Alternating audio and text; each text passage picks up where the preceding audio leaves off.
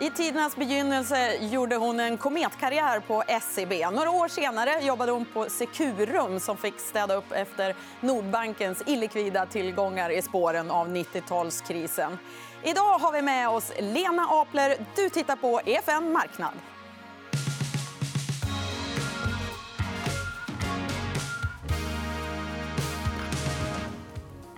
Nej, men hejsan, Lena. Hur lever livet? Bra, tack. V vad gör du då nu för tiden? Det lät som en Thomas Ledin-låt. ja, jag eh, har en del roliga investeringar som jag ägnar mig åt. Ganska mycket startups. En del har blivit scale-ups, för att inte säga growth companies. Och, eh, jag har ju under de senaste åren byggt upp en liten portfölj som jag kanske inte har hunnit ge den tid och kärlek de borde ha fått. Mm. Det får de nu. Mm. Och vi ska prata lite mer om det senare. Och framförallt så har du fått mer tid för dem sedan förra året. så var det ju väldigt mycket drama kring Collector. Du lämnade styrelseordförandeposten. Mm. Eh, vad var det som hände där egentligen? Ja, det var nog inte så mycket drama. egentligen. Det såg nog mest ut så utifrån. Jag uppfattade inte drama. Utan det började med att vi hade en... Eh, eh en genomgång av eh, vissa tillgångar där man skulle tillämpa nya redovisningsregler. Eh, det ah, som kallas förfallna lån eh, sitter man med portföljer som ska betalas över tid. Och, eh, vi tillämpade nya, beslutade oss i styrelsen för att tillämpa nya reserveringsprinciper, reservera hårdare. För det kommer, delvis kommer det en ny lagstiftning, så man kan inte ha kvar dem hur länge som helst. Och därmed så sa vi att då tar vi ett rejält tag och så eh, gör vi en reservering.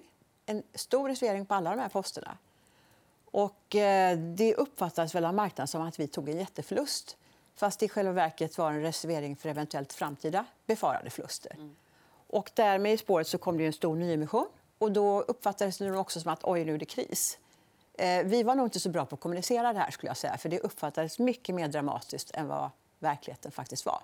Men ni hade en stor del blankolån som ni ja. beslöt att dra ner på. Ja, alltså det är ju en... Vad ska vi säga? Eh, blankolån i sig är inte fult. Det är väl bra att kunna låna pengar till vettiga investeringar. Men det har ju tenderat att bli en ökad eh, användning av blankolån för kanske mindre eh, sunda investeringar. Kanske för att öka konsumtion, kanske för att i värsta fall finansiera spel. Och det är också en marknad som är väldigt, väldigt hårt konkurrensutsatt. Så vi uppfattar att risken blir högre, avkastningen blir lägre. Alltså bör vi dra ner på det. Mm. Och, och, vi hade en väl fungerande verksamhet och har en väl fungerande verksamhet. Men samtidigt har vi en företagssida i Collector där konkurrensen är mycket mindre och där vi kände oss väldigt komfortabla med lägre risk till högre avkastning. Så att det var lite, lite eh, byte av riktning, kan man säga. Företagsdelen står ju nu för mer än 50 eh, uppemot 60 skulle jag gissa. Mm.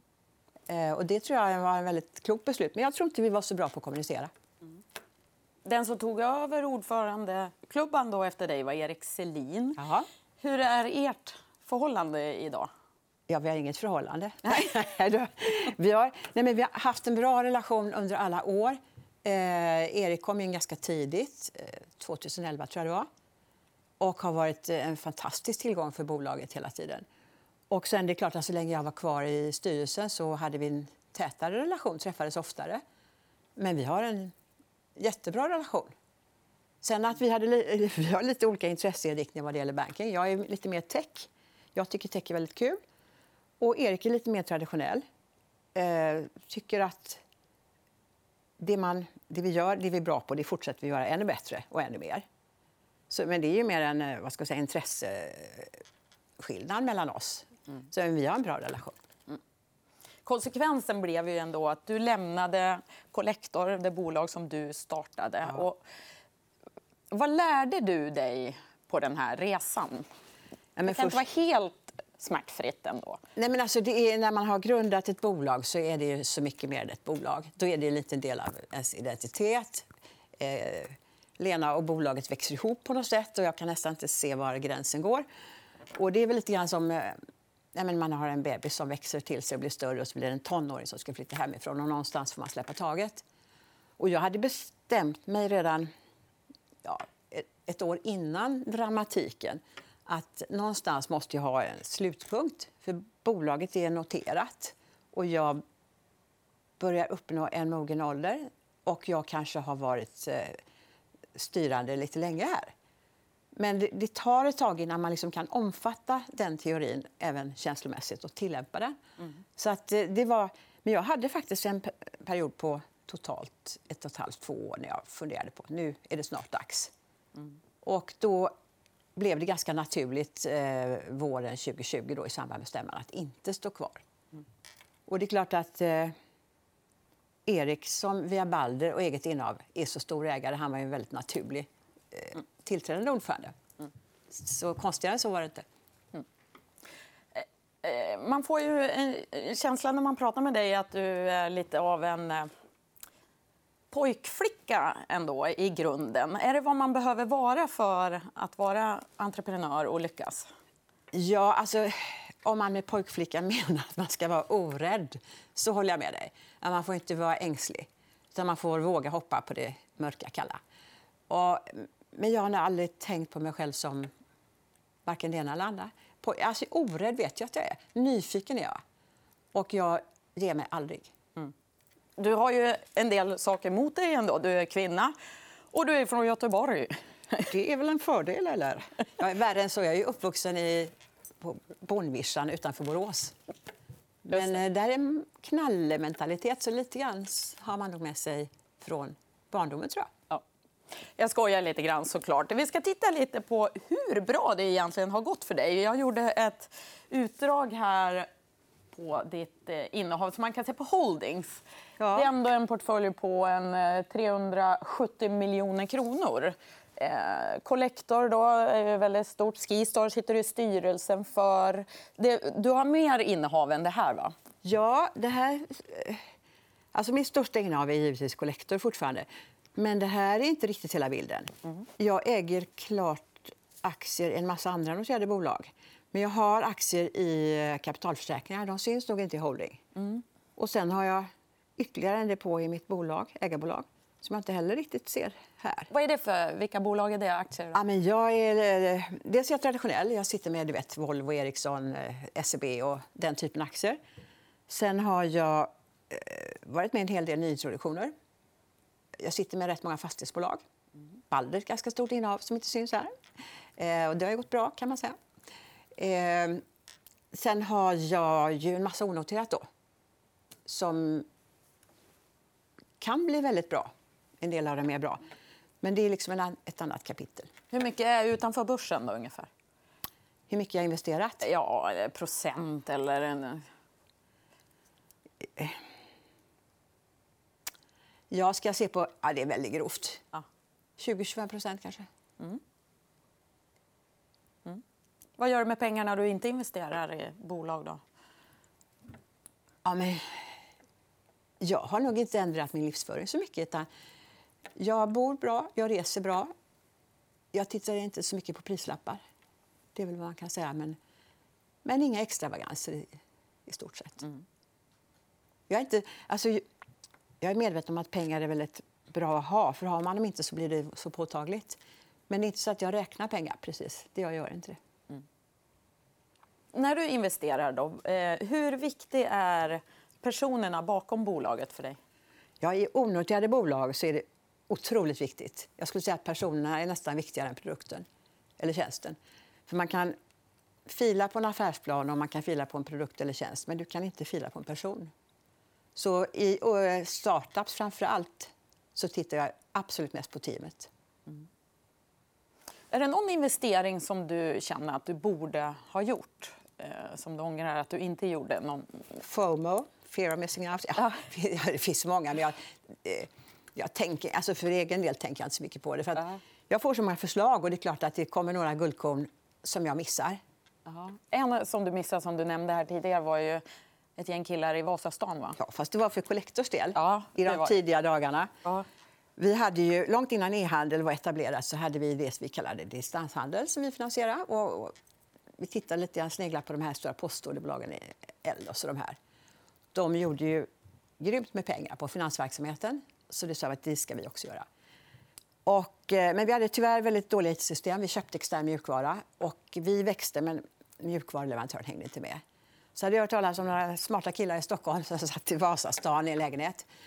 Så jag pratade, en kollega och jag åkte upp och hälsade på dem i akt och mening att kolla läget och se om det kunde vara något för oss. Hur många var de här killarna? Då? Ja, de var fem, ja. eh, tror jag, som vi såg läget. Mm. Och trion då som eh, vi pratade med det var alltså Sebastian, Niklas och Viktor på numera Klarna. Och de hade ju nätt och jämnt bildat bolag och jag vet inte om de hade något mer än en, möjligen en första kund. Men vi insåg att de här grabbarna de har något som inte vi har. Så att vi ville väldigt gärna köpa deras nya bolag. Mm. Eh, och vi hade inte så mycket pengar då. Så att 10 miljoner tyckte jag kunde vara bra prislapp det här. Jag såg nästan på min att de var inte så jättesugna på det. Så jag minns rätt, tror jag, om jag säger att Sebastian kom tillbaka väldigt fort och sa att nej, 50 miljoner ska vi ha i så fall. Och det var ju beyond our limits, så att jag fick tyvärr tacka nej. Äsch. Äsch då. Men jag kan säga så här efteråt att för, för Klarnas del var det nog väldigt bra att det inte blev affär, för nu har de visat sig bli eh, rätt stora framgångsrika mm. på egna ben och egna meriter. Men eh, jag hade i alla fall rätt instinkt och intuition, för jag förstod att det här, var, det här kommer bli nåt. Mm. Är det någon sån där investering du har gjort då, som du verkligen ångrar? Där du... Nej. Bara kort. Ångra? Säg inget jag ägnar mig åt så mycket. Alltså, Nej, ånger är inte någon konstruktiv känsla. Mm. Eh, sen har det väl funnits investeringar där jag, jag försöker koppla ihop hjärna, hjärta, mage. Några, ett par kanske jag har gjort mer med hjärtat och de har inte blivit så där kommersiellt lysande. Men det måste kombineras? Det måste kombineras. Ja. Men, jag kan gå in filantropiskt bara för eh, att det är en bra sak. Men ska det vara en investering som man ska räkna avkastning på så måste man kombinera mm. alla tre kroppsdelarna. Eh, ja, jag har ju sett dig i eh, en tv-serie i en annan tv-kanal, Draknästet. Då. Och där får man ju verkligen intrycket av dig att du, du, är, du är väldigt intresserad av hälsa, godsaker, Ja. Och då, just när det går det ihop?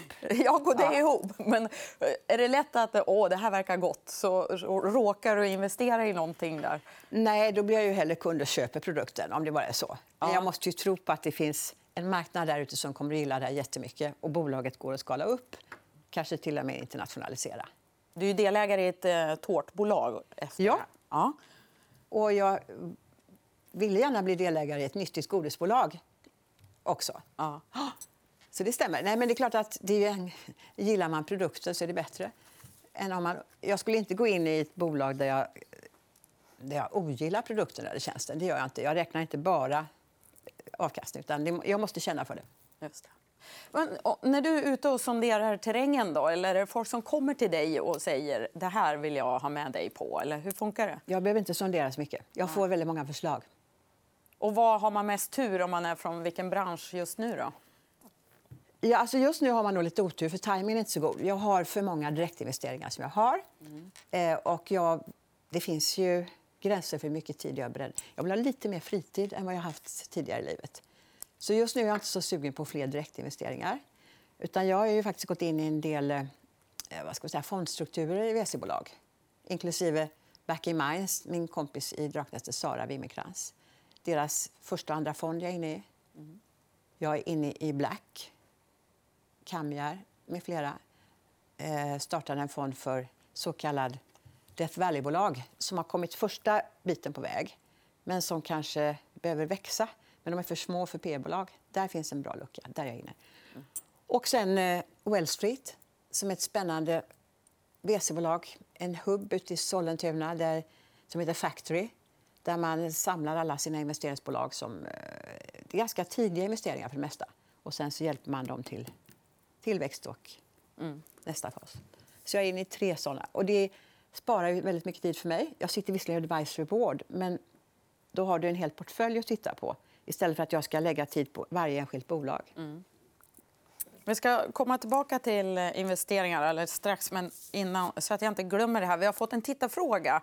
Och, eh, det är en kille här som frågar om du får någon fisk i såken. ja, det var roligt. Eh, jag är ju från Aplared och där finns en sjö som heter Såken. Och där fiskade man gäddor. Ja. Och eh, min farmor hade en trädgårdsmästare som alltid fiskade gädda. Så jag fick gädda en gång i veckan. Och jag tyckte inte det var så gott. jag har inte ätit gädda sedan dess. Okay. Men du fiskar där fortfarande? Eller? Nej, det gör jag inte. Men jag älskar fisk. Dock föredrar jag kanske inte insjöfisk utan mm. mer havssimmande fisk. Jag förstår. jag förstår. Men om vi ska titta på börsen då, mm. idag. Vad, vad tänker du om börsen framöver? Ja, det är ju rätt svårt, därför att det har varit en remarkabel uppgång. Men samtidigt så har ju... Jag tänker bara svenska börsen. Jag har bara investerat i Sverige. Eh, samtidigt har svenska ekonomin faktiskt klarat sig väldigt bra under pandemin. Och med vissa branschundantag såklart, med, med besöksnäring och hotellresor och så. Eh, kanske att strategin att inte ha lockdown har hjälpt våra bolag att eh, fortsatt leverera ganska bra. Och sen finns det fortfarande mycket pengar i systemet som ska investeras. Och så länge vi sitter med nollräntor så är ju börsen ett väldigt bra alternativ. Så jag tror inte på någon större nedgång. Jag tror faktiskt på en fortsatt uppgång. Men med kanske en nedjustering i vissa branscher som har gått extremt bra. Mm. Vilka då? då? Ja, men jag tycker till exempel fastighetsbolag är väldigt dyra just nu. Det tycker jag. Jag tycker investmentbolagen ska ner lite till också. Mm. Mm. Ja. Det är du inte ensam om. Nej. Mm. Och vad tror du har... Vad, vad kan man hitta någon vinnare då? Ja du, det är den typen av fråga som är omöjlig att svara på. Men hittar man eh, bolag som kanske har tagit lite onödigt med stryk under pandemin. Eh, nu tänker jag också på de stora bolagen som Volvo och Ericsson mm. som lider av halvledarbrist. Det har möjligen hjälpt till att hålla tillbaka kursutvecklingen. Men de är rätt billiga, tycker jag. Jag tycker storbankerna är billiga.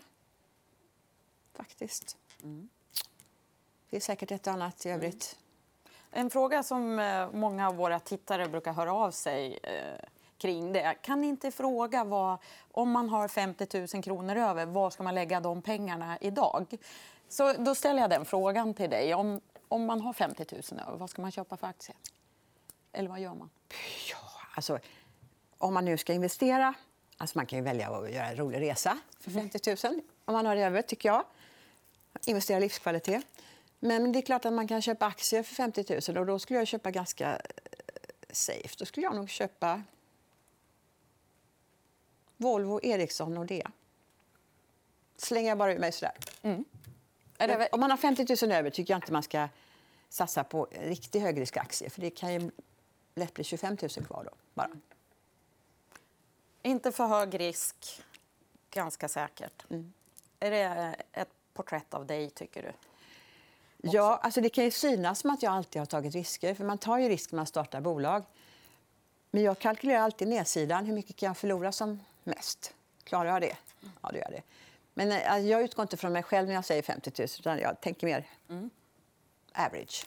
Vad bra. Tack ska du ha. Jättekul att du tog dig tid att komma hit.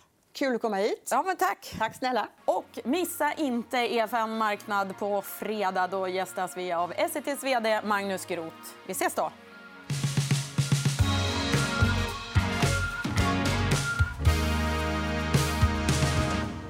EFN Marknad är en podcast från EFN Ekonomikanalen. Ansvarig utgivare är Anna Fagerström. EFN finns även som app. Där hittar du alla våra videoinslag som hjälper dig att göra det bästa av din ekonomi. Du hittar appen i App Store och Google Play.